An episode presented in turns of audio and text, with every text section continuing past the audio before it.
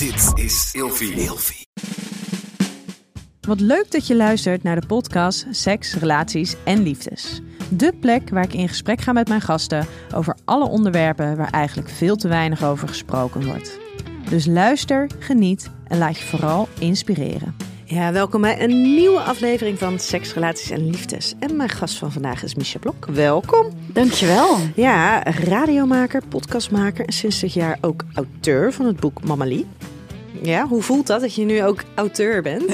ja, eh, een beetje onwennig, maar wel uh, iets waar ik uh, ontzettend trots op ben. Want ik wilde altijd wel schrijver worden. Dus. Hmm. En dan opeens ben je schrijver, omdat je een boek hebt geschreven, ja. En ook altijd affiniteit gehad met schrijven of gewoon het romantische idee van schrijver zijn, vond je heel mooi?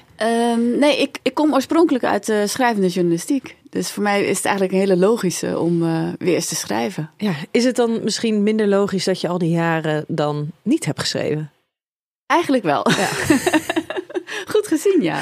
Hey, en jij, uh, jij hebt een boek geschreven over de zoektocht naar jouw uh, Koreaanse moeder. Uh, daar gaan wij het vandaag uitgebreid over hebben.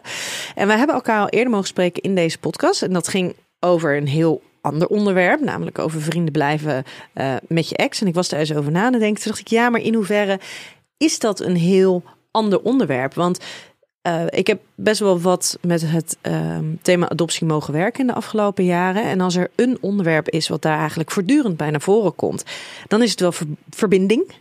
Behoefte aan ergens bij horen, aan samen zijn, aan onderdeel zijn van.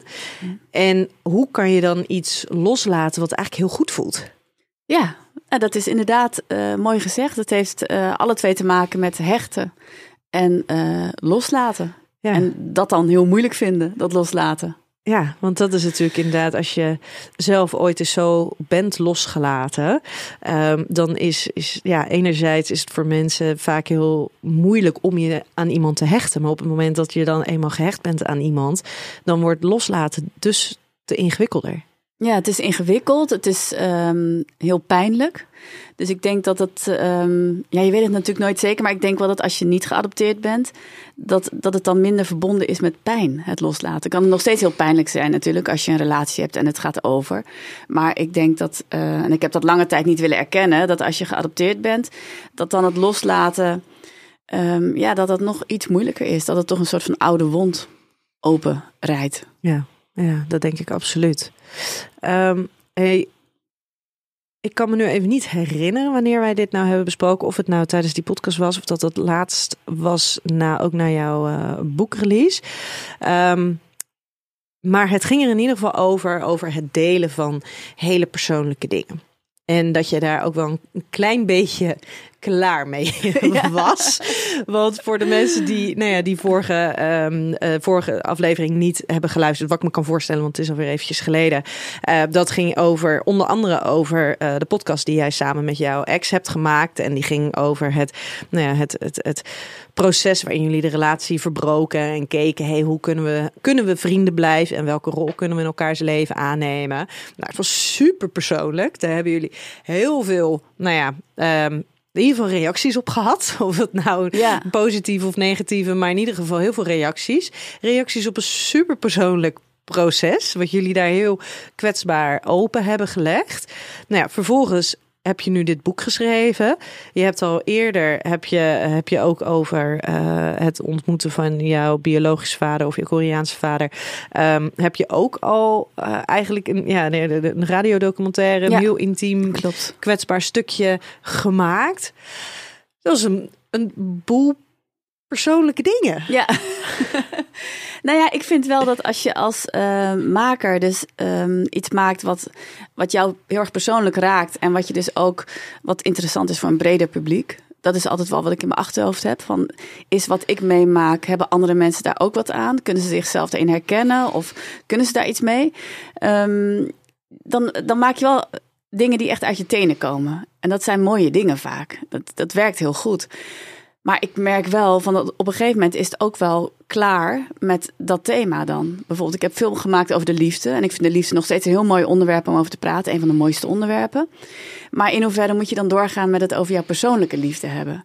En dat, daar ben ik wel een beetje op teruggekomen. Ik, ik wil nog steeds dingen maken over de liefde. Maar echt over mijn persoonlijke liefde. Denk van ja, ik heb ook wel gemerkt dat mensen het ook wel een soort van uh, smeuig vinden. Dat zou je natuurlijk ook wel merken. Van, dat is natuurlijk altijd in dat onderwerp, als het over liefde, over seks gaat. Mensen vinden het natuurlijk heel smeuig om dat van een ander te horen. Maar ergens moet dat natuurlijk wel, moet daar een grens in zijn, denk ik. Ja, helemaal als je dat dan, als je dingen maakt, niet zozeer om over jezelf te vertellen, maar dingen bij anderen in beweging te brengen. Dus dat dan is het. Wil je niet dat je zelf tijd in die hoofdrol zit? Ja, ja, en het is mooi als het gewoon, bijvoorbeeld met die exen ging het over vriendschap uh, houden met je ex. Voor veel mensen herkenbaar. Maar ik krijg nu heel vaak de vraag van ja, en nu dan? En uh, willen ze echt tot op detail weten hoe het dan verder is gegaan. En ik denk van ja, dat doet er eigenlijk nu niet toe.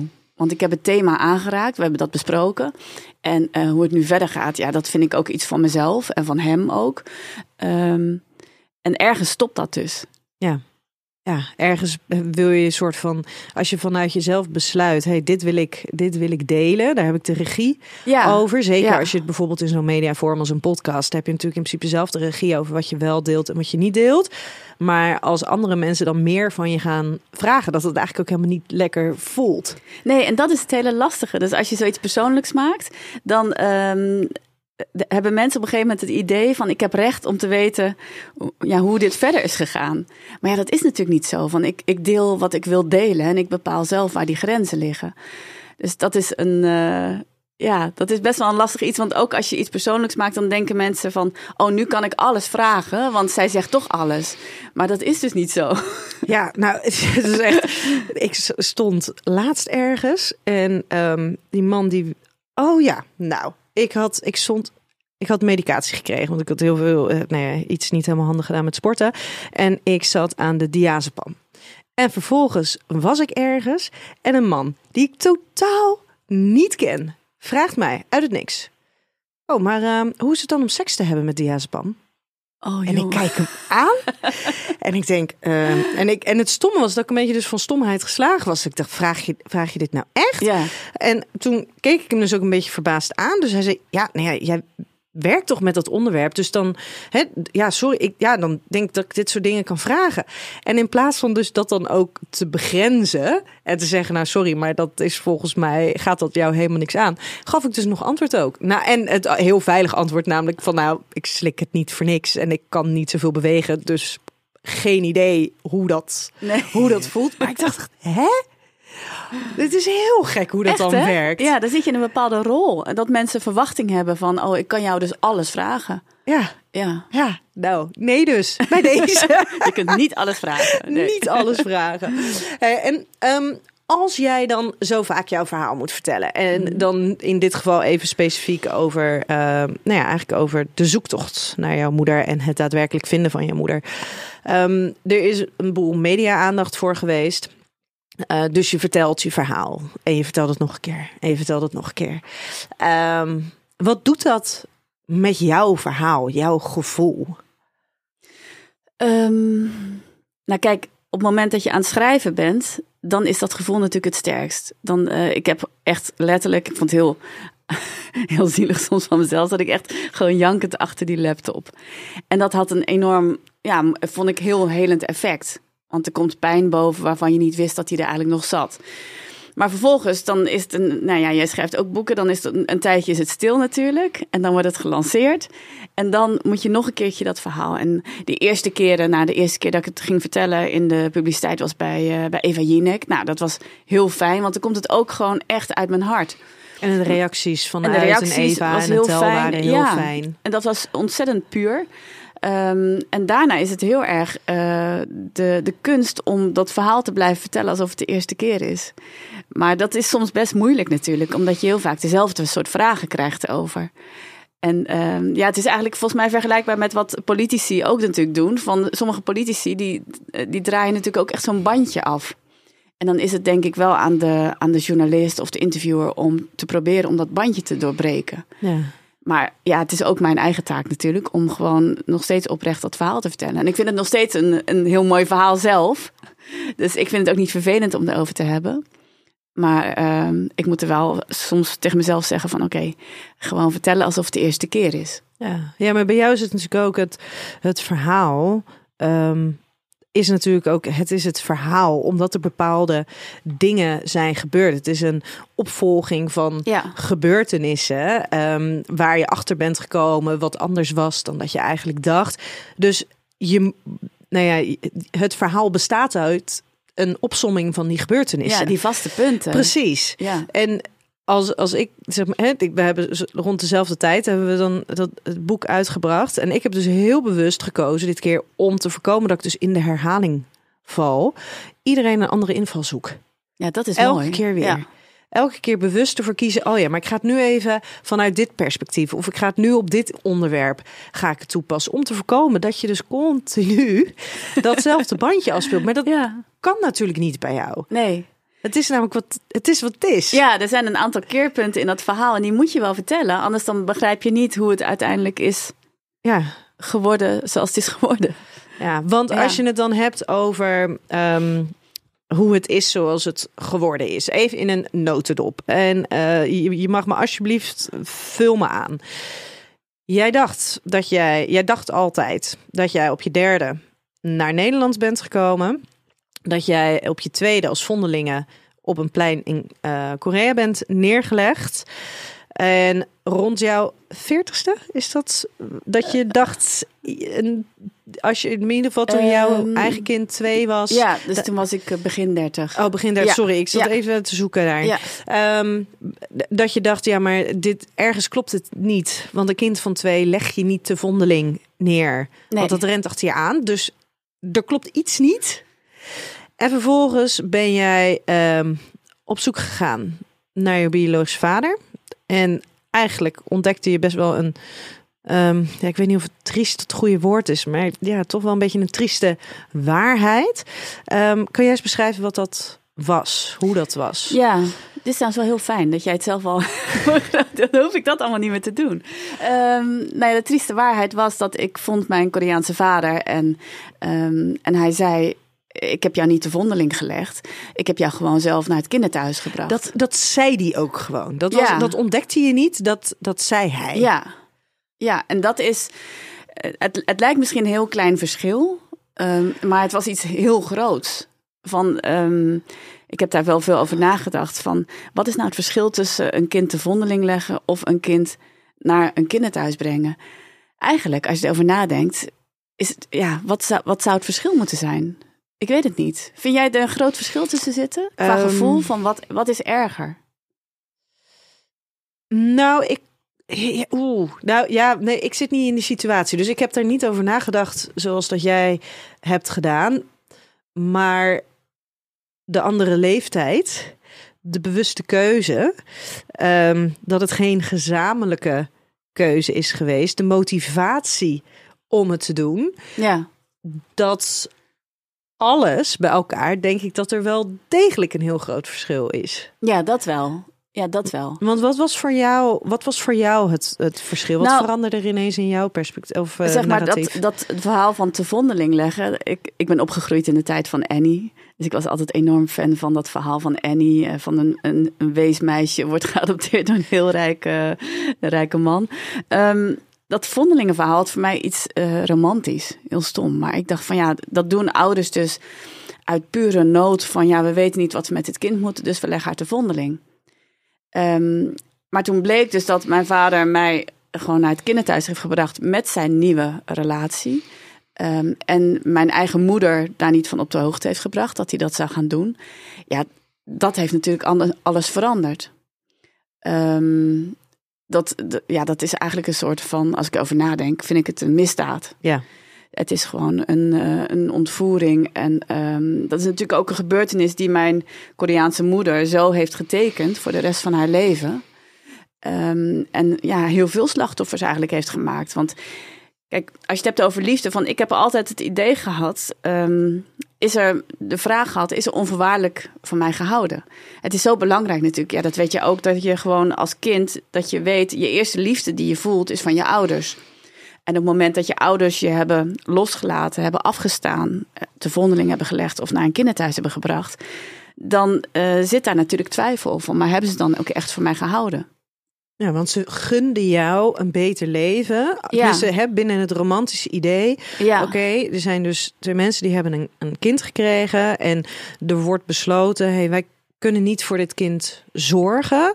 Ehm, en we gunnen het kind een beter leven. Ja. Dus we willen het kind nou ja, weggeven, te vondeling Ja. leggen. Zodat iemand anders voelt: hey, ik kan dit kind een beter leven Ja, geven. ja, daar zit iets van opoffering in. Daar zit iets van heel veel liefde zit daar eigenlijk in, hè, als je daarover nadenkt. Ehm, maar op het moment dat eh, een van de twee ouders dus dat kind wegdoet... met puur als reden van ja, ik heb een nieuwe relatie... en ik wil verder met mijn leven, met Dus, mijn nieuwe relatie... Er is geen ruimte voor dit kind. Nee, precies. Het kind is, het past gewoon niet meer in mijn leven. Ja, dat is zo'n ander gevoel krijg je daarbij. Want dat is helemaal geen noodzaak of dat is geen ten einde raad. Dat is een hele weloverwogen, eh vrij zakelijke keuze. En, eh, en een misdaad, omdat hij mijn moeder daar niet over heeft ingelicht. Maar het is inderdaad wat je zegt. Het is eigenlijk gewoon ontvoering. Ja, ja. Ja, is ook zo. Ja. En dus de schade die zoiets toebrengt eh, bij mijn eh, Koreaanse moeder is natuurlijk enorm. Eh, dat je op een dag thuis komt en je, en je dochter is weg. Ehm, en de schade ook bij mij vind ik ook. ehm, ja, omdat mijn hele verhaal klopte niet. Ehm, en eigenlijk, wat ik dus heel helend vind, nu, nu ik weet dus dat mijn Koreaanse moeder dat nooit heeft gewild, is het voor mij heel helend dat ik nu weet, zij heeft wel altijd onvoorwaardelijk van mij gehouden. Ja. En, En- dat had ik heel graag liever eerder geweten. Want ik heb het altijd afgevraagd. Heeft ze echt van mij, eh, hebben mijn ouders echt van mij gehouden? Ja, en nu, want hè, begin 30, nu eh, ben je, hoeveel jaar ben je nu? Verder? Zeven- Zo'n 47, Ja, ja. maar je bent dan nu zo'n 15 jaar Ja. verder ten opzichte Ja. van toen. Ja, Dan hoor je dat toen van hey, het verhaal zit heel anders in elkaar. Dus nu, ongeveer zo'n 15 jaar later, krijg je pas de kans om je moeder daadwerkelijk nou ja, de- de- te zien, te spreken, haar perspectief te Ja. horen.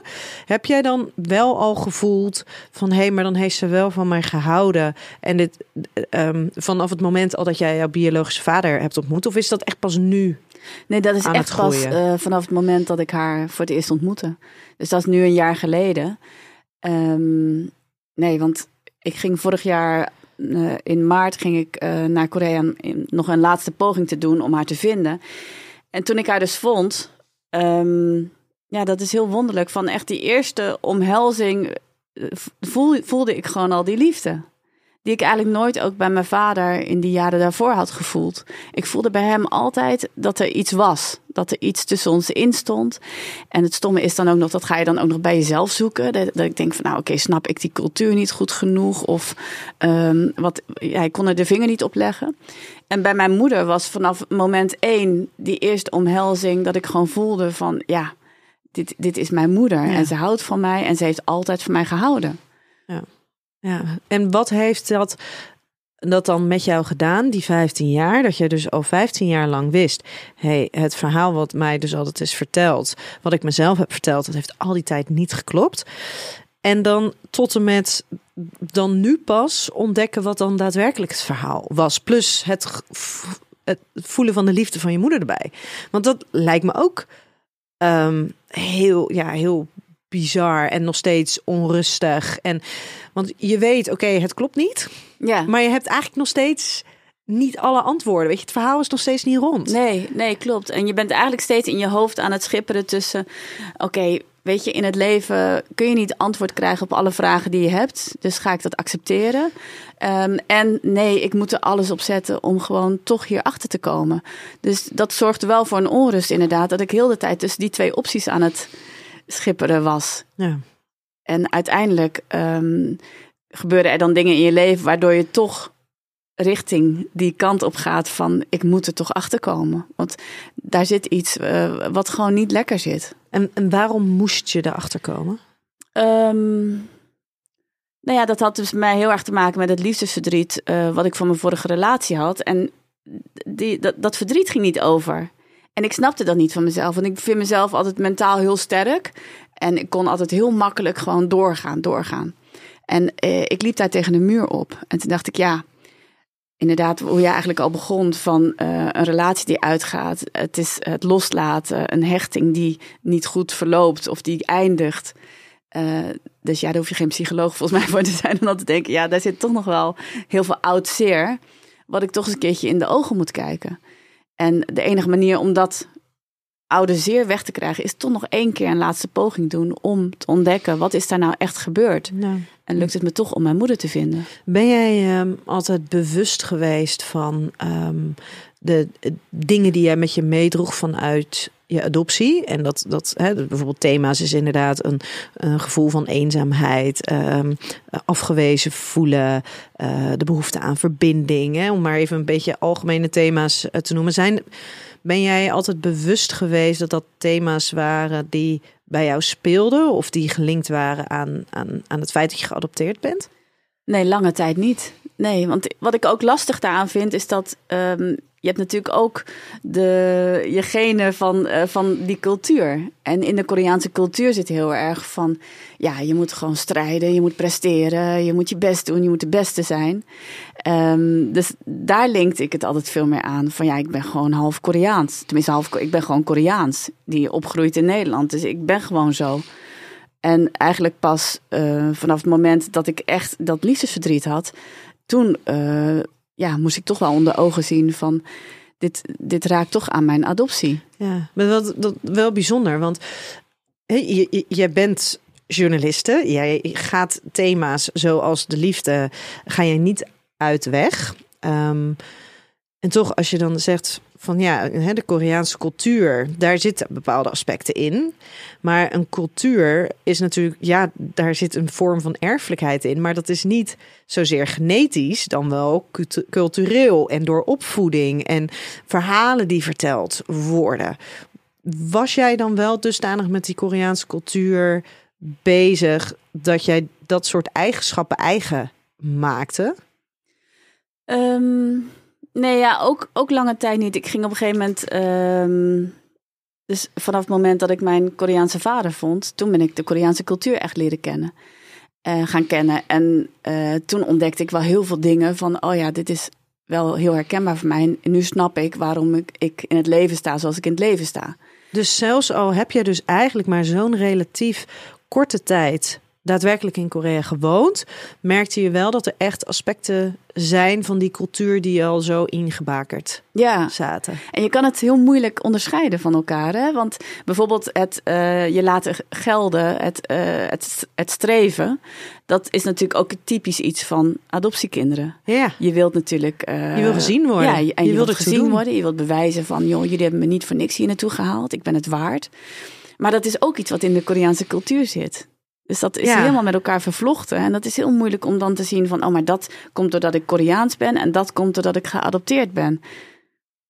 Ja, want dat, dat lijkt me inderdaad dan ook zo lastig. Omdat als je inderdaad gewoon zou zeggen, ja, culturele uh, normen, waarden. Uh, ja, in hoeverre kan je dat meekrijgen? In die, in, nou ja, dan dus, je was dus eigenlijk nog jonger, dus je was niet eens drie. Maar um, dat je zo jong bent? Of is dat dan weer inderdaad uh, inherent aan geadopteerd zijn? Ja.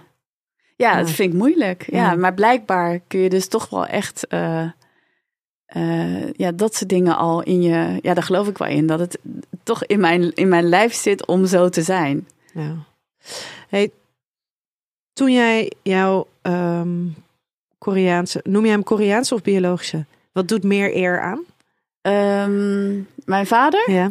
Mijn uh, ja, Koreaanse vader. Voel jij daar wat bij? Nee, daar voel ik vrij weinig bij. En als je het hebt over je, uh, ja, je Koreaanse moeder? Ja, nee, dat, uh, daar heb ik heel veel gevoel bij. En uh, ik heb heel erg, dat geeft ook weer een onrust natuurlijk. Dat is het hele, hele moeilijk aan dit hele verhaal natuurlijk. Van je hebt er gevonden en vervolgens, daar stopt en het verhaal nu? natuurlijk niet. Nee, ik wil, ik wil natuurlijk tijd met haar inhalen en bij haar zijn. En um, dus dat land, dat trekt meer dan ooit natuurlijk. Ja, ja. En toen jij dan dus je Koreaanse vader ontmoette en um, nou ja, ontdekte, hé, hey, er klopt dus echt helemaal niks van hoe ik dacht dat het was. Wat vond jij erger op dat moment? Wat je vader had gedaan of het idee dat er ergens een vrouw was die haar kind kwijt was? Of misschien iets anders? En dan bedoel je het moment dat, dat ik... Je je, of je, je, je Koreaanse vader ontmoette? Ja. Um... Want het is natuurlijk het ene soort van nou ja, bedenken, ja, maar je hebt me dus gewoon dan wel ontvoerd. Je hebt gewoon een misdaad begaan. Van hè? Hoe kan je dit gedaan hebben? Maar tegelijkertijd misschien ook wel het besef van hè, maar dan is er dus ergens een vrouw Ja. die haar kind dus ineens kwijt was. Maar ehm, zeg maar, toen ik mijn Koreaanse vader ontmoette, toen heeft hij dat dus nog niet verteld. Dus dit verhaal, dat, eh, dat mijn moeder er niet van wist, dat weet ik dus pas sinds ik haar dus heb shit. gesproken. Ja, Dus dat is voor jou ook nog Ja. super nieuw. ja, klopt. Ja. Nee, dus dat puzzelstukje is pas echt een jaar geleden eh, gewoon helemaal eh, gevonden. Want daarvoor wist ik dat niet, dat, dat mijn moeder het niet wist. Dat was in overleg gegaan. Of Hij zei er Hij niet zei- zoveel over. Hij zei van ja, eh, we hebben je weggebracht. En, dus ik wist nooit precies wat waren de details van het hele verhaal. en wie is we dan? Ja, wie is we? En had je daarmee gesproken? En ja, nee, dat is. Ik vind het ook stom van mezelf. Want als ik eh, nog harder had doorgevraagd, had ik het waarschijnlijk toen al wel geweten. Maar het is heel raar. Van inderdaad, wat je zegt, ik ben journalist en ik ben gewend om gewoon vragen te stellen. Maar als het om je eigen leven gaat, heb je toch een soort van blinde vlek. En durf ik ook veel minder vragen te stellen. Je hebt een enorme cultuurclash die ertussen zit. Ehm, en mijn vader, die dan ook nog eens heel moeilijk communiceert. En ook gewoon dingen achterhoudt, dingen niet zegt. Ja. Dus dit stukje informatie weet ik pas eh, een jaar. En dat is echt. Ja, dat is echt. eh, ik weet nog dat ik. Ik had mijn moeder ontmoet. En toen. ehm, twee dagen daarna zaten we aan de keukentafel. S'avonds gewoon echt. Ja, te bespreken hoe is dit gegaan. En ik zal nooit vergeten. Ze was zo ontzettend. Ik, ja, gewoon echt letterlijk gewoon iemand in elkaar zien vallen van puur verdriet. Aan, alleen al aan de gedachte aan die ene dag dat ze thuis kwam van werk en dat ik, niet, eh, dat ik er niet was. En toen pas wist ik dus dit verhaal en realiseerde ik me ook van... Dit heeft zo'n ontzettende impact gehad op de rest van jouw leven. Dit is zo'n enorm trauma voor jou geweest. ja. En daarna heeft ze het ook met nooit met iemand erover gehad. Ze heeft het nooit met haar kinderen erover gehad. Ze heeft nooit met haar eh, echtgenoten over gehad. Het is altijd één groot geheim voor haar geweest. Dus Want er kwam- zijn na jou nog andere kinderen gekomen. ja, ik heb een halfbroer en een halfzus. En ze is dus daarna dus getrouwd met een andere man. Maar dit is al die jaren haar grote geheim geweest. Oh, jeetje. Ja, Dit is heftig. ja, Maar heb jij, want een jaar om, nou ja, eigenlijk, ja, het is voor haar heel traumatisch geweest. Maar als je zoiets hoort, ehm, ja, weet je, als je, het het woord trauma, dat, dat vertaalt zich naar, naar een open wond. Mhm. Ehm, ik kan me voorstellen dat, dat zoiets, zoiets groots, ook voor jouw leven, ook na een jaar nog niet helemaal heel is. Nee, en eerder hadden we het over die interviews. En dat is wel echt het voordeel geweest. Dat ik het er best wel veel over heb gehad. Dat helpt je ook wel met het ja, ordenen van je gedachten. En, want in het begin was het ook zo groot dat je niet eens eigenlijk weet hoe je erover moet denken. Of wat je ervan moet vinden. Ehm, en dus ik ben wel heel blij, dus door het schrijven en door er veel over te hebben. Ja, dat, dat werkt wel allemaal mee. Ja, ja. Ehm, als je nou in, in de huidige tijdsgeest, met wat je nu, nou ja, zeker dan het afgelopen nou ja, anderhalf jaar allemaal hebt, hebt ervaren en meegemaakt. Ehm, ik heb jou eer, vorig, tijdens het voorgesprek had ik jou ook gevraagd om, om vijf woorden te bedenken die gaan voor jou over seks, relaties en liefdes. Als je hem dan in de huidige tijdsgeest, met alles wat je nu weet en hebt meegemaakt en hoe je stukjes van jezelf hebt ontdekt. Als je dan nu eens vijf woorden zou moeten bedenken, wat voor woorden zijn dat dan? Ehm, nou, het eerste woord wat in me opkomt is eh, helend. Ik vind het dus echt heel helend dat, ehm, dat ik gewoon weet, de gedachte, dat ik weet dat mijn moeder altijd van mij heeft gehouden. Eh, dat, en dat is een, eh, een gevoel wat natuurlijk ook echt doorwerkt op je andere relaties en de manier waarop je lief hebt. Ehm, en daarnaast, ja, toch wel de hechting. Wat een heel logisch woord natuurlijk is bij adoptie. Ehm, dat die hechting eh, wel heeft plaatsgevonden.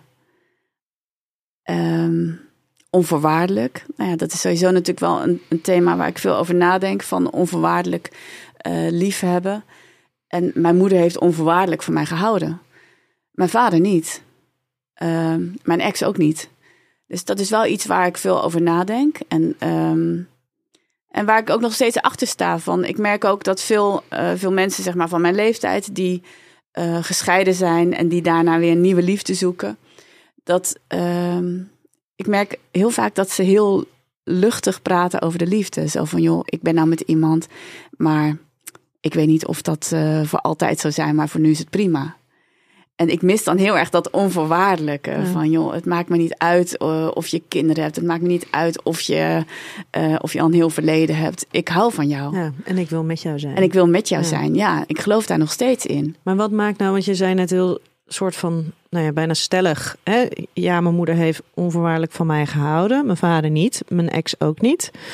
Um, wat maakt dan dat jij nu jouw ex in datzelfde rijtje als jouw vader plaatst? Um, in het niet onvoorwaardelijk houden van? Ja. Omdat uh, ik denk wel dat daar een soort van uh, verbinding zit van. Um, sowieso geloof ik ook wel dat de manier waarop je van je. de liefde tussen jou en je vader. dat het ook wel van invloed is. Ja, dat weet jij beter. op de relaties die je later hebt. Um, en ik denk dat dat niet onvoorwaardelijk houden van mijn ex. Dat en was dat de ex van de podcast of de ex, de ex van de van podcast? De okay. ja. ja. Dat die pijn natuurlijk ook gewoon weer ja, terug te herleiden is naar die liefde tussen mijn vader en mij. Maar ja, dat is heel erg gepsychologiseerd. Maar ik dat mag, in ieder geval dat mag. Ja. aan denken. En um, ja, je mist nog één woord, hè, of niet? Nou, nog uh, drie in oh, principe. Wel, Hechting, helend, onvoorwaardelijk. Onvoorwaardelijk, oké, okay, ja. ja.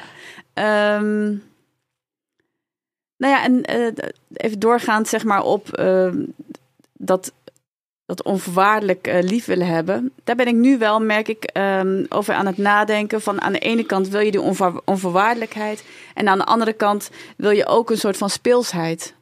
En daar ben ik wel veel over aan het nadenken van... kan ik dat met elkaar rijmen? Of hoe werkt dat? Want ja. ik kan soms echt jaloers zijn op mensen... Um, ja, die in dezelfde levensfase zitten als ik. En die echt met een soort van speelsheid ook door zo'n liefdesleven heen dartelen. En dat ik denk, ja, ik weet niet of dat voor mij zou kunnen zijn, maar ik kan er wel echt met bewondering naar kijken. Ja. Zit daar, en dat, dit is geen idee of dat zo is hoor, maar zit daar misschien dan ook een de voorwaarden om met een speelsheid en luchtigheid, maar wel met een stabiliteit en veiligheid door je liefdesleven heen te kunnen gaan. Zit daar misschien dan ook als voorwaarde dat je dus wel die veilige hechting hebt? Ja. En die onvoorwaardelijke liefde als basis, waardoor je dus weet, hé, hey, ik kan spelen, ik kan die luchtheid opzoeken of lichtigheid opzoeken, um, nou ja, zonder dat ik verlaten ben, zonder dat ik daar angstig of eenzaam of, of wat dan ook van word. Ja. Ja, dat zou kunnen, maar, maar het klinkt zo tegenstrijdig. Het klinkt zo van, oké, als je dus het ene hebt, dat onvoorwaardelijke liefde, mm -hmm. dat je dan niet dat, dat speelse en dat lichte kan hebben.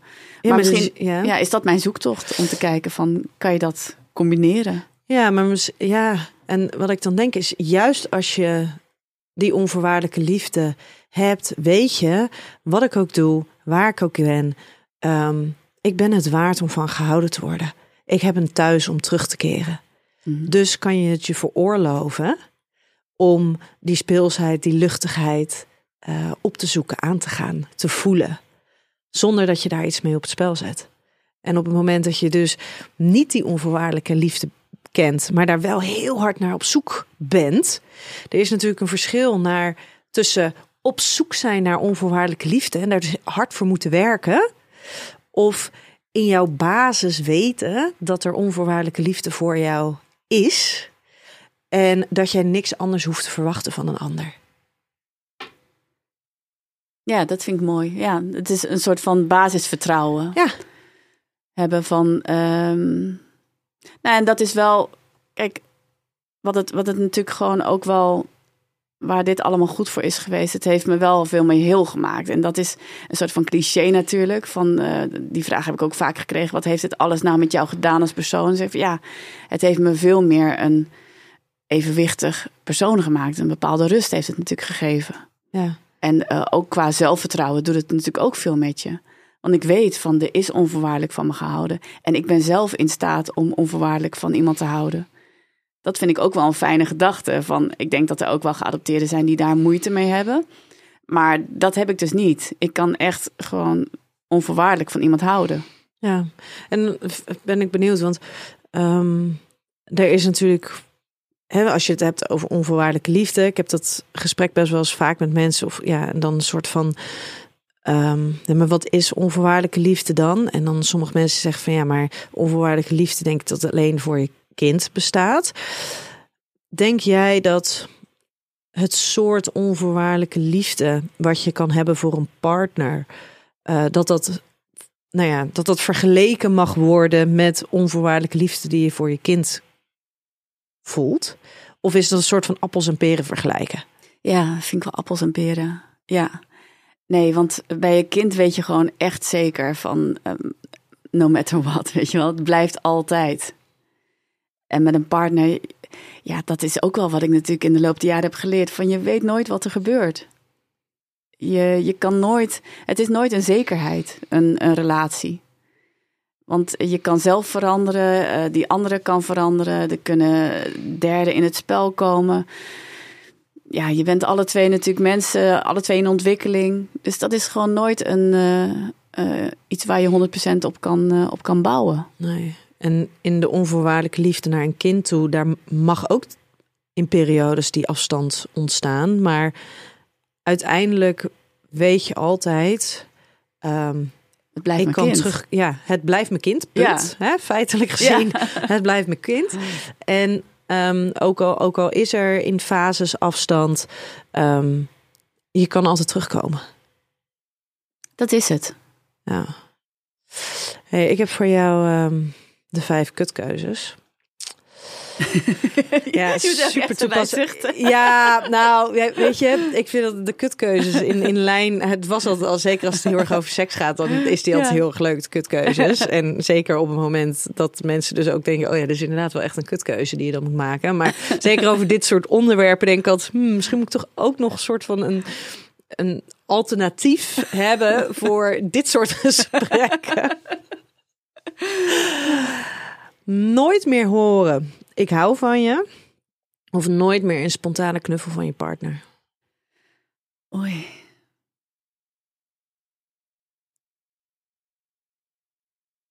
Um, nooit meer horen ik hou van je. Want eh, ja, met een knuffel zeg je dat eigenlijk ook.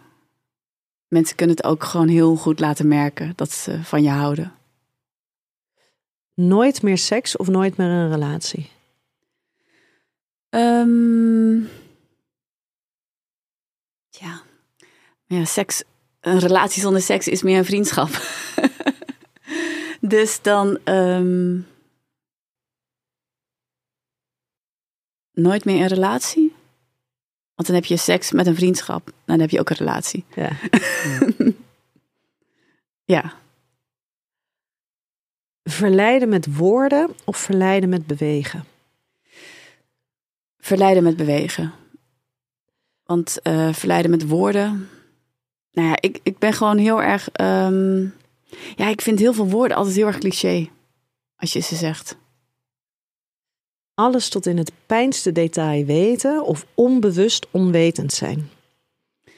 Onbewust onwetend. Ja. Als, uh, als het niet is uitgesproken of je weet het niet, dan kan het ook geen pijn doen. Ja. Dus uh, Ingewikkeld hoor.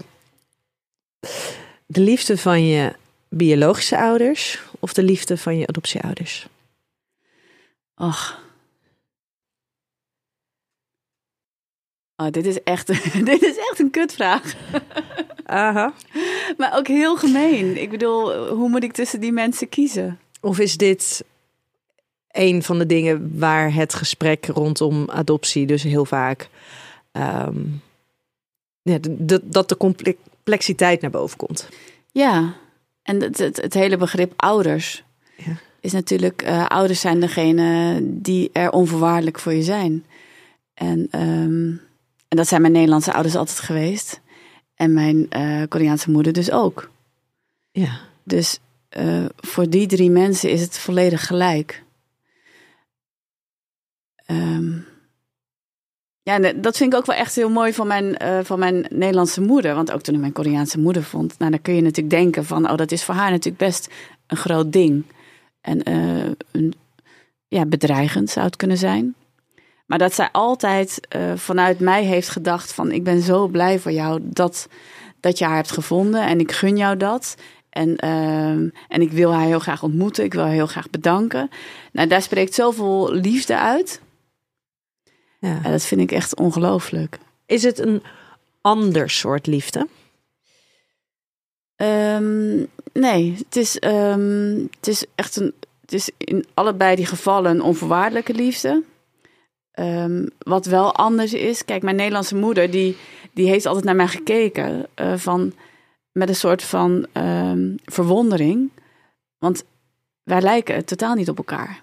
Uiterlijk natuurlijk niet, maar innerlijk ook niet. Dus mijn Nederlandse moeder is altijd van, doe nou maar voorzichtig. Oh, ga je daar naartoe? Oh, wat eng. En zij is heel voorzichtigjes. En, ehm, en mijn Koreaanse moeder is eh, echt heel erg zoals ik ben.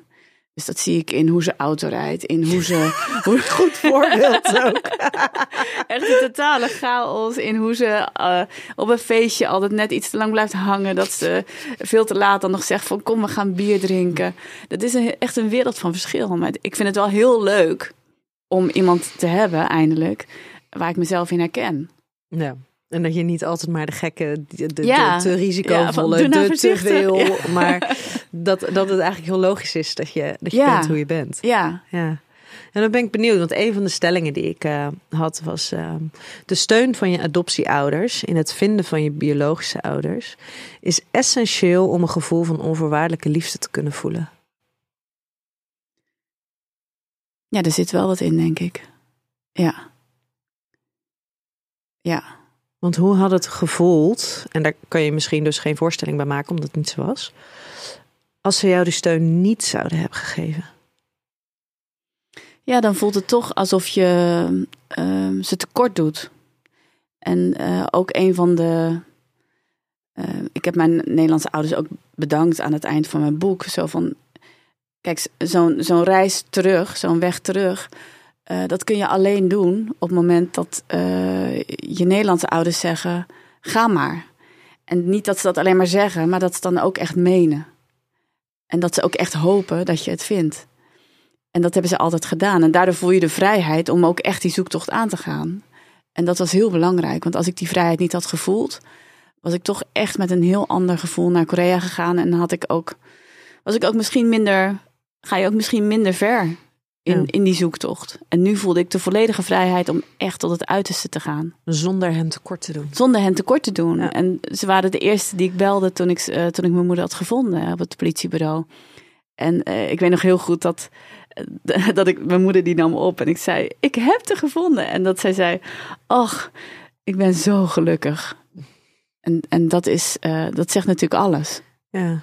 Nou, ik vond het wel heel mooi en dat vond ik dus in het, nou ja, nu achteraf wetende hoe, hoe nog andere stukjes van de puzzel in elkaar zaten. Dat jij hebt een, een radiodocumentaire gemaakt rondom het, ehm, nou ja, het vinden van je vader. En daar hoor je dus ook jouw, eh, jouw Nederlandse moeder. En daarop spreekt ze eigenlijk heel liefdevol over van nou, hè, de berichten die ik tot nu toe hoor. Het past in het Ja. plaatje zoals dat we dat dachten. En het zijn, het klinken eigenlijk als hele goede en positieve berichten. En toen dacht ik, oh, maar wat is het dan ook ingewikkeld? Ook, ook voor haar. Ik weet niet in hoeverre jouw vader er ook, een Nederlands vader er ook op die manier bij betrokken was. Maar in ieder geval op basis van hoe zij, hoe ze klonk en wat ze zei. Dat dat dus ineens ook weer is Anders is, gekanteld. ja. precies. En daar is altijd wel weinig aandacht voor. Dat, eh, het is altijd, gaat het over de adoptiekinderen van, oh, wat doet het met jou? Maar voor hen was het ook gewoon opeens een heel ander verhaal. Ja. En ehm zet het hen ook aan tot denken van, eh, oh jeetje, maar we hebben dus eigenlijk meegewerkt aan een soort van halve misdaad. En ehm, dit was helemaal niet de bedoeling. We wilden alleen maar vanuit goede bedoelingen natuurlijk adopteren. Dus dat is ook iets wat zij moesten verwerken. Ja. En wat ik nog wel heel mooi vind, zeg maar, is dat één voorbeeld wat ik geef als het gaat om die onvoorwaardelijke liefde van mijn moeder. Van, ehm, zij deed altijd, als ik dan ehm, op straat liep, deed ze altijd haar armen wijd open. En zei ze, wie komt er in mijn huisje? En uh, op een dag, uh, vertelt ze dan, rende ik... Want in het begin heb je die hechting natuurlijk nog niet, moet je aan elkaar wennen. Maar er kwam een dag dat ik in haar armen rende en dat ze mij optilde. En dat ze toen dacht van, punt 1, oh, godzijdank, uh, ze, ze houdt van mij. Mm -hmm. Die hechting is goed gegaan. En maar punt 2 was meteen haar volgende gedachte. Wat ontzettend jammer dat haar moeder dit niet kan meemaken en niet kan voelen. En dat vind ik nog steeds zo'n echt tranentrekkende, lieve gedachte. Want dat zegt zoveel over hoe mijn Nederlandse moeder natuurlijk is. Ja. Dat ze toch meteen dan op zo'n moment aan die andere vrouw denkt. Ja, ja. En dat het misschien, wat dat betreft, op dat moment nog wel goed was. Um, dat ook zij niet wist hoe het hele verhaal zat. Ja. Ja, nou ja, inderdaad, waar we het eerder over hadden, soms niet weten. Ja. ja. Het vinden van je biologische ouders verandert de relatie met je adoptieouders? Um, nee. Nee, ik denk dat dat, uh, dat dat niet echt is veranderd. Nee. En nu hebben in jouw geval jouw uh, Nederlandse ouders natuurlijk 15 jaar geleden al zeg maar, een, een deze fase meegemaakt. Mhm. Rondom hè, het, het, het ontmoeten van je Koreaanse vader of het vinden van je Koreaanse vader. En nu weer. Um, was er een verschil tussen toen en nu? Zeg maar de eerste keer en een tweede keer? Want dan zijn er toch elementen waar, nou ja, waar je al met z'n allen doorheen bent gegaan. Gesprekken die al ook gevoerd zijn. Um, ja, wat kijk, wat ze nu heel fijn vinden is dat, uh, dat die band met mijn Koreaanse moeder goed is. En wat ze heel moeilijk vonden is ze vonden het ook heel moeilijk om te horen dat ik wel die band probeerde te krijgen met mijn Koreaanse vader, maar dat het niet lukte. Mm. Dat vonden ze frustrerend. Dat, eh, ze snapten het ook niet waarom hij dat niet wilde. Dat hij je gewoon weer afwees. Ja. Bewust. Ja, hij maakte weer wel. de keus die Ja. hij toen eigenlijk ook heeft Precies. gemaakt. En dat vonden ze wel moeilijk, want ja, dat zit natuurlijk ook heel erg in, in, in hen dat ze gewoon mij willen behoeden voor meer pijn. En toen zagen ze natuurlijk wel in die periode daarna dat, dat ik veel pijn had daarvan, dat ik er last van had. En dat eigenlijk eh, het meer te weten komen dat het me eigenlijk ja, minder goed deed. Ja, ja. En dat, ja, dat lijkt me dan zo. Want je, wat je natuurlijk eigenlijk, wat ik me kan voorstellen dat je hoopt, is dus eigenlijk het verhaal met je moeder. Ja, Dat, het, dat, dat ze het niet bewust heeft gedaan. Dat ze niet die keuze heeft gemaakt. En dat ze niets liever wilde. Dat je hartstikke welkom ja, was. ja. En dat Ja. je vervolgens elkaar in de armen sluit en, en het voelt Ja. heel. Maar gewoon dan weer horen, zien, voelen, merken. Hm. Deze man heeft dus bewust deze keuze gemaakt. Ja, En die maakt hij gewoon verdomme weer. ja. Dat is dat, ja. Nou ja, en dat is het hele, hele lastige. Dat de, de keuzes die hij heeft gemaakt, deze man, en de leugens die hij heeft verspreid, dat zijn dingen waar ik nu nog steeds dagelijks eh, last van heb. En ook gewoon de praktische dingen. Van ik heb nog steeds, zeg maar, hij heeft gelogen over mijn geboortedatum, over mijn naam en over mijn geboorteplaats. Nou ja, weet je hoe vaak je dat moet invullen ergens? en ik heb dus nog steeds dat stomme paspoort, eh, wat ik niet veranderd krijg, waar gewoon die die drie basisleugens van hem opstaan. Dus als ik naar de tandarts ga, dan moet ik nog steeds zijn leugen vertellen. Ehm, ben ik, eh, koop ik iets online, vertel ik nog steeds zijn leugen. Dus dat blijft maar gewoon in je gezicht terugkomen. Ehm, ik kan nog steeds met de leugens die hij eh, heeft verspreid. ja. Vind je hem een klootzak? Om wat hij heeft gedaan? Eh, ja, ja, zeker. Zeker, ja. Maar kan je dat ook echt zo voelen? Nou, dat is wel waar we het over hadden, over die onvoorwaardelijke liefde. Van hij blijft wel mijn vader. Ja, dus die loyaliteit blijft er ergens. Ja, ja, wel. En ik merk ook wel dat ik het eh, soms enigszins probeer goed te praten vanuit de cultuur. Dat ik ook weet van ja, de Koreaanse cultuur is een hele ingewikkelde. En, ehm, en ik weet ook, wat, wat voor mij ook het, mij milder maakt, is ik weet ook, het heeft hem ook getekend. eh, mensen komen niet ongeschonden uit de strijd. Maar En- dat vul jij in? Of Ja, dat heeft hij jou verteld? Nee, dat heeft hij niet verteld. Dat vul ik in. Ja. En de- ja, omdat ik er toch van uitga dat, dat mensen dit niet zonder enig geweten of slecht gevoel kunnen doen. En die gedachte maakt mij milder over hem. Van hij moet daar ook mee dealen. Iedere keer als hij mij ziet of als hij mijn naam hoort, wordt hij herinnerd aan, aan die daad die hij heeft Ja, gedaan. maar is dat een soort van. Nou, je hebt zo'n zo'n verhaal over die man die als straf oneindig zeg maar zo'n grote ronde steen naar boven de berg op moet rollen. Ehm, en, en, en die nooit boven komt. En als hij boven komt, dan rolt hij weer naar beneden. Voelt het een beetje alsof hij dus in die zin gestraft wordt voor zijn daden. Dat hij altijd die pijn zal voelen op het moment dat hij met jou wordt geconfronteerd. Of op wat voor manier dan ook. Ja, ik geloof dat wel. En in die zin, dat is de hele tragiek natuurlijk van dit verhaal. Van het, het heeft natuurlijk heel veel slachtoffers gemaakt. Want zijn vrouw, die moet daar ook mee dealen. Want zijn vrouw was natuurlijk ook medeplichtig. En eh, ik heb haar ook verschillende keren ontmoet. En eh, bij haar zag ik dat ook heel duidelijk. Dat enorme schuldgevoel. Zag je dat bij haar meer dan bij hem? Ja, ja zeker. Ehm, kan ik me ook wel voorstellen. Toch? Als jij degene bent, eh, de nieuwe vriendin. Ehm, en, eh, En ze was zwanger. en ze was ook nog zwanger. Ja. ja. Dus zij is, wist waarschijnlijk op dat moment nog niet hoe het voelde om Nee, een kind te hebben. En dus die onvoorwaardelijke liefde. Maar heeft dat daarna ja, waarschijnlijk wel gevoeld. ja. Nee, dus daarom. Dus iedereen die heeft hier gewoon mee te dealen op zijn eigen manier. Ja. ja. Ehm, vooral dankbaar moeten zijn voor je adoptie is het meest ingewikkelde dat er is. Ja, ik heb dus echt een hekel gekregen aan het woord dankbaar. Mhm. Ik heb lang eh, heb ik dat woord gebruikt. Van ik ben zo dankbaar dat ik eh, in Nederland terecht ben gekomen. Ik ben zo dankbaar dat ik zulke lieve Nederlandse ouders heb. Ja, het is zo'n. ehm, het is een beetje een leeg begrip geworden. Van, ik weet ook nog dat. eh, ik heb het nog één keer gezegd. Dat ik zei van ik ben dankbaar dat ik mijn moeder heb gevonden. En toen zei, een goede vriend tegen mij van je moet echt stoppen met dat dankbaar. Je hebt je moeder gevonden omdat je echt fucking gewoon hard je best hebt gedaan daarvoor. En dat heeft helemaal niks met dankbaarheid te maken. Je hebt gewoon je best gedaan. Je had een doel en dat heb je bereikt. En ehm je adoptie. Het, eh, ja, ik ben geadopteerd door heel lieve ouders. Ben ik heel blij mee.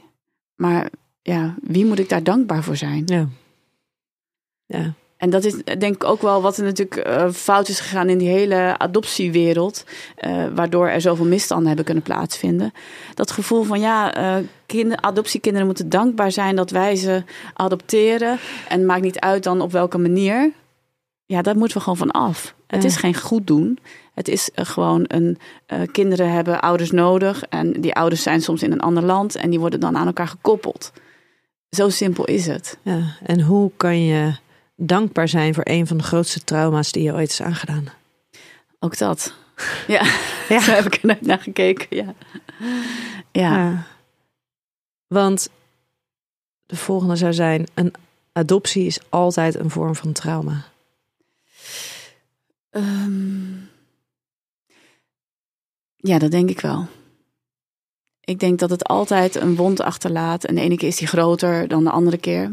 Ik denk dat die wond het kleinst is op het moment dat er eigenlijk ehm, heel veel helderheid is over hoe het is gegaan. En eh, op het moment dat je 100% zeker weet van de biologische ouders hebben het kind echt met een reden afgestaan. Maar de praktijk leert dat, ja, dat er toch heel vaak gewoon dingen fout gaan. En dat zorgt ervoor dat die wond alleen maar groter wordt. Want als je als adoptiekind zelf moet gaan achterhalen hoe het is gegaan. Nou ja, ik weet zelf wat voor lang proces dat is. En ondertussen ga je door natuurlijk. Maar zit er wel eh, een groot vraagteken in je hoofd. Ja. Dus ik heb ook mijn boek opgedragen aan, aan alle, alle kinderen die, die niet weten wie hun ouders zijn. En die gewoon niet weten waar ze moeten beginnen met zoeken. En dat is eh, een grote groep. En dat is ook wel de reactie die ik heb gekregen natuurlijk van veel adoptiekinderen. Dat, eh, van geadopteerden. Dat zeiden van ja, eh, ik vind het ontzettend mooi om jouw verhaal te horen. Ehm, eh, maar het is confronterend. omdat ik het nog niet heb gevonden. Ehm, en aan de andere kant zeggen ze van het is hoopgevend, omdat ik weet dat het toch mogelijk is. Ja, ja want ik heb inderdaad een um, vriendin van mij en die is, die, die is ook geadopteerd. En die heeft dus, nou dat ze halverwege de 40 was, heeft ze zich gerealiseerd. Dat was toen zij vanaf dat mijn zoontje zes weken oud was, elke week een dag op hem ging passen. En toen dacht ze, jeetje, ik ben dus de eerste zoveel maanden heb ik in een weeshuis gelegen, heb ik niet deze liefde gehad, niet deze aandacht. Misschien heeft dat toch wat meer met mij gedaan dan dat ik altijd heb gedacht. Toen is zij die zoektocht in gaan zetten. En toen wilde, heeft ze op een gegeven moment haar uh, biologische moeder heeft ze gevonden. Die heeft letterlijk de deur dicht gedaan. Um, en die wist wie er biologische vader is, maar die weigerde het te vertellen.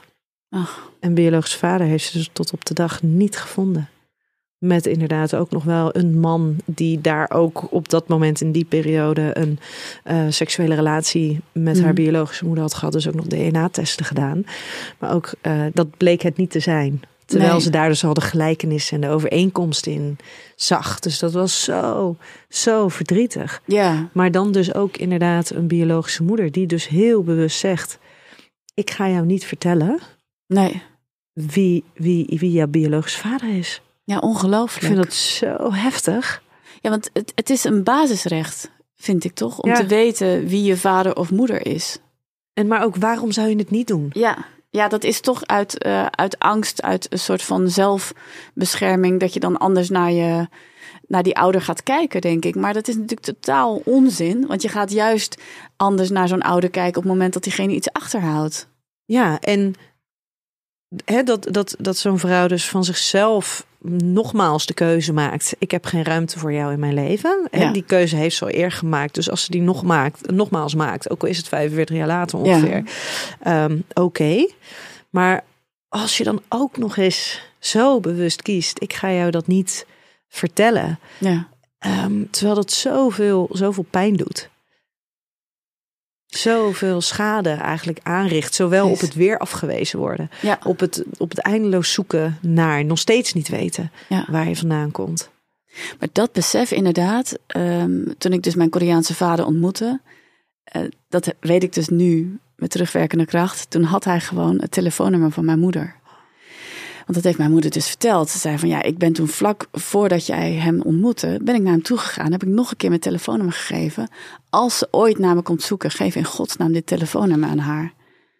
Dus hij heeft dat al die jaren bewust achtergehouden. En dan heb je natuurlijk gewoon echt je hebt een ontzettend uh, klote daad heb je verricht. Vervolgens krijg je de kans om het goed te maken. Een soort van tweede kans. En dat doe je dan weer expres niet. Ja. Puur vanuit uh, angst dat je voor opnieuw gezichtsverlies of zo. Of dat ik anders naar hem zou kijken. Ja, terwijl nu, ja, nu het alleen nog maar slechter is eigenlijk.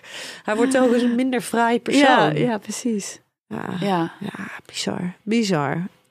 Um, als je eenmaal je biologische ouders hebt gevonden, kom je opnieuw in een identiteitscrisis terecht.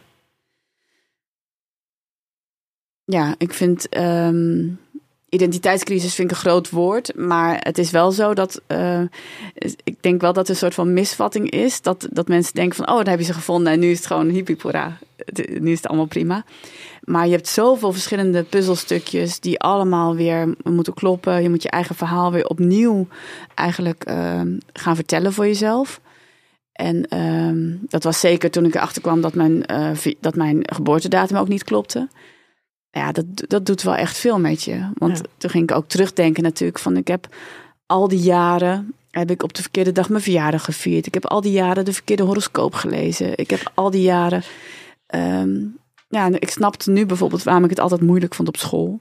Omdat ik altijd ergens natuurlijk te jong ja. ben geweest. Ik liep altijd achter de feiten aan. Dat kwam ik ergens tegen. En toen dacht ik inderdaad van wow, als mijn, als mijn zoontje dus een jaar of een groep hoger zou zitten. Ja dan zou die dus. Uh, dan krijg je dus met jezelf een vergelijkbare situatie als waar jij in hebt gezeten. Ja. En dan ben je dus gewoon. Um, plus, jij kwam al eigenlijk met een tussen aanhalingstekens achterstand. Hè? Qua taalontwikkeling kwam jij in, in Nederland. En dan moet je zo hard strijden Omdat je cognitief op een ander niveau zit, sociaal, emotioneel. Je bent een hele andere taal aan het, aan het aanleren. En dat doet dus ook wat met je zelfbeeld. Ja. Ik had altijd het idee van ik ben niet zo goed op school. Uh, ik kan niet zo goed zwemmen. Ik, uh... En dan woonde je al in een dorp. Ja. Dus waarschijnlijk voelde je al inderdaad... hé, hey, ik ben anders Ja. dan andere kindjes. Ja. Dus ben je en niet, je bent en niet snel genoeg, en niet slim genoeg, en niet groot genoeg, Nee, en, en, en je niet anders genoeg. Ehm, wow.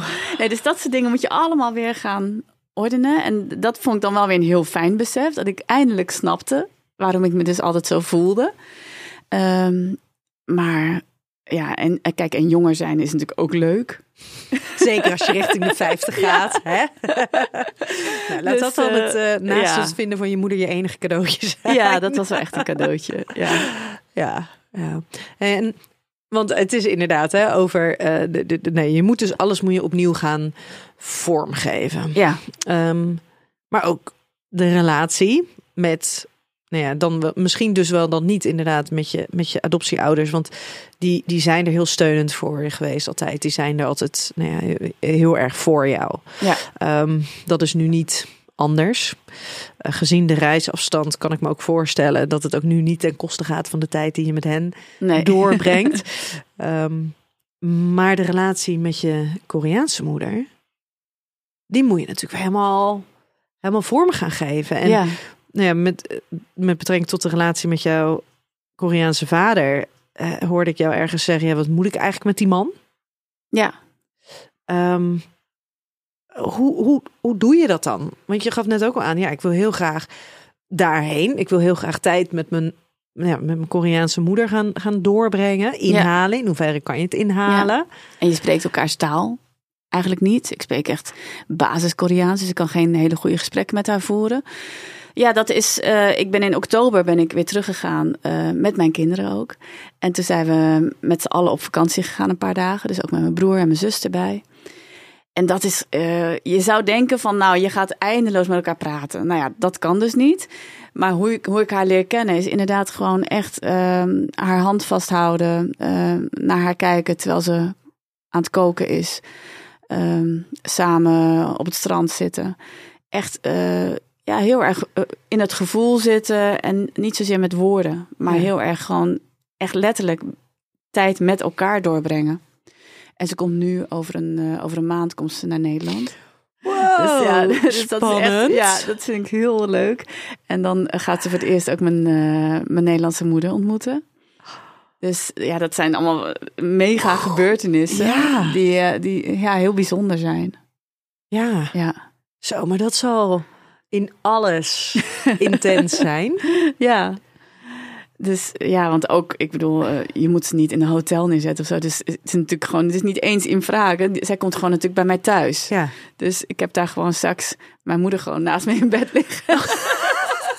nou ja, en ik moet ook wel meteen aan denken toen je zei van het vormgeven van zo'n, van zo'n band. Ik weet nog heel goed dat de eerste dag ging ik dan met haar mee naar huis.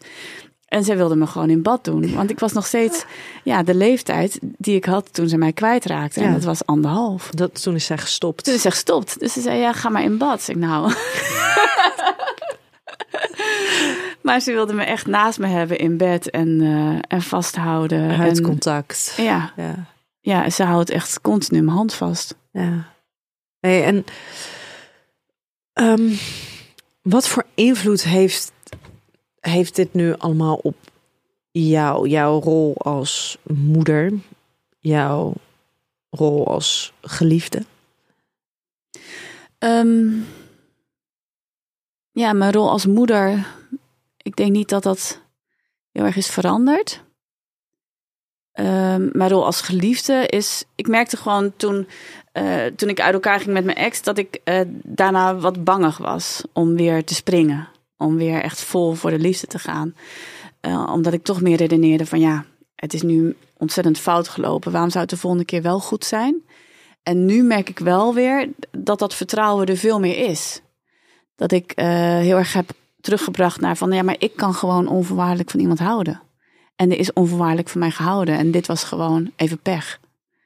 Dus ik heb wel misschien nog wel meer geloof in de liefde gekregen. Ja, was, stel, jij zei nu, en dat is puur hypothetisch, hè? Dus, eh, maar stel jij zou dit allemaal hebben, hebben ervaren en meegemaakt toen jij begin twintig was. Ehm, was bijvoorbeeld de relatie met de vader van jouw kinderen dan anders gelopen? Of was je er misschien helemaal niet aan begonnen? Dat kan natuurlijk ook. Nee, ik denk dat dat hetzelfde was verlopen. En ik denk ook wel dat, uh, kijk, de vader van mijn kinderen, die, die hield echt onvoorwaardelijk van mij. En dat dat heel goed voor mij is geweest al die jaren. Heel helend. Ja, veilig, juist, stabiel. Ja, dat het juist voor mij toen uh, precies was wat ik toen nodig had. Maar zou je dat nu nog nodig hebben? Um, Want dat zei die vriendin van mij heel duidelijk. Nu ze, nu ze al dit weet, zei ze op, nou ja, op de 18e, 19e is ze samengekomen met diens partner ongeveer, vergeef me als ik het verkeerd zeg, vrij jong kinderen gekregen. Maar toen was hij wat ze nodig had. Terwijl Ja. nu, als ik kijk naar wie ze eigenlijk is als persoon, beseft ze ook van ja, hij, ik had nooit gelukkig oud met hem kunnen worden. Toen op dat moment, bij dat meisje, paste hij. Oh ja. Maar de, wie ze eigenlijk was in de kern, ehm, zou ze nooit gelukkig oud kunnen worden met hem. Oh, ik vind dat heel moeilijk. Ja, ik vind dat altijd zo moeilijk om dan terug te denken van, nou, hoe anders was ik toen geweest of hoe anders had ik er toen ingestaan. Van, eh, hij was toen op dat moment wat, wat goed voor mij was. En ehm, iedere relatie zorgt ervoor dat je nog beter weet wat je een volgende keer, denk ik, wil. Ehm, dus dat heeft er allemaal aan bijgedragen. En ja, nee ja, dat vind ik lastig. Ja. Zijn, ehm, want, want zowel hij als jouw ex, die zijn natuurlijk in, in deze leeftijdsfase waarin dit hele het adoptieverhaal natuurlijk heel erg speelde, zijn heel erg betrokken geweest bij jou. Zijn ze dat nu ook? Of nou ja, nu, maar in ieder geval een jaar geleden dan rondom het vinden van je moeder? Ehm, nou, de vader van mijn kinderen iets minder. Ehm, maar de laatste ex, eh, ik weet nog wel dat ik hem s'avonds opbelde toen ik haar had gevonden. En dat hij, eh, eh, en dat hij eh, ja, ook moest huilen gewoon van pure blijdschap. En dat vond ik wel ontzettend lief. Dat, daar is hij dus wel heel goed in om mij het geluk te gunnen. Ehm, en dat hij dus echt oprecht blij was dat het was gelukt. Omdat hij ook wist, dat waren ook wel de jaren dat ik met hem samen was. hij wist dat het, hoe erg dat speelde. Ja. In mijn hoofd en in mijn, in mijn hart ook. Ja. Zijn er nog dingen waarvan jij denkt, ja, die zijn voor iedereen die dan wel hiermee te maken heeft, op wat voor manier dan ook. Of ze nou geadopteerd zijn, ze hebben een, een broer of zus die geadopteerd is, ze hebben vrienden die geadopteerd zijn. Wat, wat zijn dingen waarvan jij denkt, ja, dit, dit moet je weten, dit, Mm. dit moet je nooit vragen, dit moet je, weet je, wat... Nou Bijvoorbeeld ja. over het woord dankbaar Ja. zijn. Weet je, dat, dat, dat is zo ingewikkeld. Ja. Nou ja, kijk, als je geadopteerd bent, ehm, dan krijg je altijd als eerste de vraag eh, op een verjaardagsfeestje van eh, waar kom je echt vandaan? En eh, nou ja, daar heb je niet altijd zin in. Dus dan zeg ik van nou, ik kom. eh, nee, de, eerste, de eerste vraag is eigenlijk waar kom je vandaan? Dan zeg ik nou uit Hendrik de Ambacht. Is de tweede vraag waar kom je echt vandaan? Uit Zuid-Korea. Weet je wie je echte ouders zijn? En dat is echt, nou ja, sorry voor het woord, is echt een kutvraag. Weet je wie je echte ouders Ja, want zijn? wat is echt? Precies, wat is echt? Daarmee zeg je dus eigenlijk je Nederlandse ouders zijn, zijn nepouders. En weet je dat? Is ook heel confronterend. Want dan moet je meteen namelijk, je zit meteen in, binnen drie vragen in iemands zijn diepste kern en diepste pijn. Ja. Eh, dus dan zeg je van, nou, dat weet ik niet, heb ik dus heel lang gezegd. En dan is de volgende vraag, ehm, ga je ze zoeken? En het is de zoektocht, de vraag naar zo'n zoektocht, dat is ook iets. Het klinkt misschien als een hele luchtige vraag: van ga je naar ze op zoek? Maar het wel of niet doen van zo'n zoektocht, dat is iets waar iedere geadopteerde van kleins af aan mee in zijn of haar hoofd mee bezig is. En je gaat die zoektocht pas doen op het moment dat je daar zelf klaar voor bent. En op het moment dat je dat zelf aan kan en zelf eh, durft te doen. En het is zo vervelend als eh, buitenstaanders jou continu confronteren met die ene vraag die al van kleins af aan in jouw hoofd zit, waar je mee aan het worstelen bent. ja. En wat eigenlijk altijd confronterend is, is het altijd een pijn. Er zit altijd Precies. het loyaliteitsconflict. Dat Ja. zit er allemaal, Ja, allemaal aan vast. en het is dus, dat is eigenlijk samenvattend mijn advies van, het is geen social talk. Een adoptie, eh, een vraag naar iemands adoptie is geen sociaal praatje. Dus ja, doe dat gewoon niet op een verjaardag of een eerste dag op het werk of als je bij iemand met de, als je bij de bushalte staat te wachten. Het is zoveel keren op dat soort, in dat soort situaties bij mij gebeurd. En op een gegeven moment ben je daar zo klaar mee. Ja, ja. mogen mensen jou nog naar jouw adoptie vragen als ze jou tegenkomen of spreken? Ja, maar ik zou het dus wel heel fijn vinden als daar een soort van introducerende vraag in zit. Van, uh, vind je het oké als, eh, als ik je naar je adoptie vraag? Die ene vraag maakt al heel veel uit, want sommige dagen is het helemaal oké en op andere dagen is het gewoon niet oké. Dat geldt natuurlijk ook bij jou. Van, joh, mag ik jou een vraag stellen over seks? Ja. zeg je van, nou, nou, vandaag niet, ik heb hoofdpijn, weet je wel. Heel toepasselijk in deze, ja. Ja. Ja, ja. Hey, en als jij een nieuwe relatie aangaat, wat is dan het belangrijkste wat jij daarin meeneemt met betrekking tot alles wat je nu hebt geleerd? Ehm, en misschien ook wel dus uitspreekt naar je partner van dit is, dit is wat jij van mij moet weten. Ehm, ja, wat je van mij moet weten is dat, dat ik met iemand wil zijn die uh, mij volledig accepteert. En die Ehm, no matter what. Dus ook al kom je. Uh, uh, ja, hoe zeg je dat? Um, ook al lopen dingen misschien anders, ook al gebeuren er dingen in, in, in, in mijn leven, gebeuren er dingen in ons leven die zegt: Ik kies voor jou. Iemand die heel bewust voor jou kiest. Ja, dat is het. Dat wil jij. Ja, want dat doe ik ook andersom. Ja, mooi. Hey, uh, lieve Michelle, we gaan hem uh, afronden. Dankjewel hier, uh, hiervoor. Ja, dankjewel. Um, en ik hoop vooral dat jouw jou, jouw boek, jouw verhaal gewoon een heleboel mensen kan, kan raken. En veel bewuster kan maken ook over ja, wat het betekent om um, geadopteerd te zijn. Wat betekent om dingen niet te weten. Wat betekent om dingen wel te weten. Dankjewel. Dankjewel voor dit gesprek. Ja, en toch weer nieuwe inzichten gedaan. Fijn, fijn. Hey, en lieve luisteraar, tot volgende keer bij een nieuwe aflevering van Seks, Relaties en Liefdes.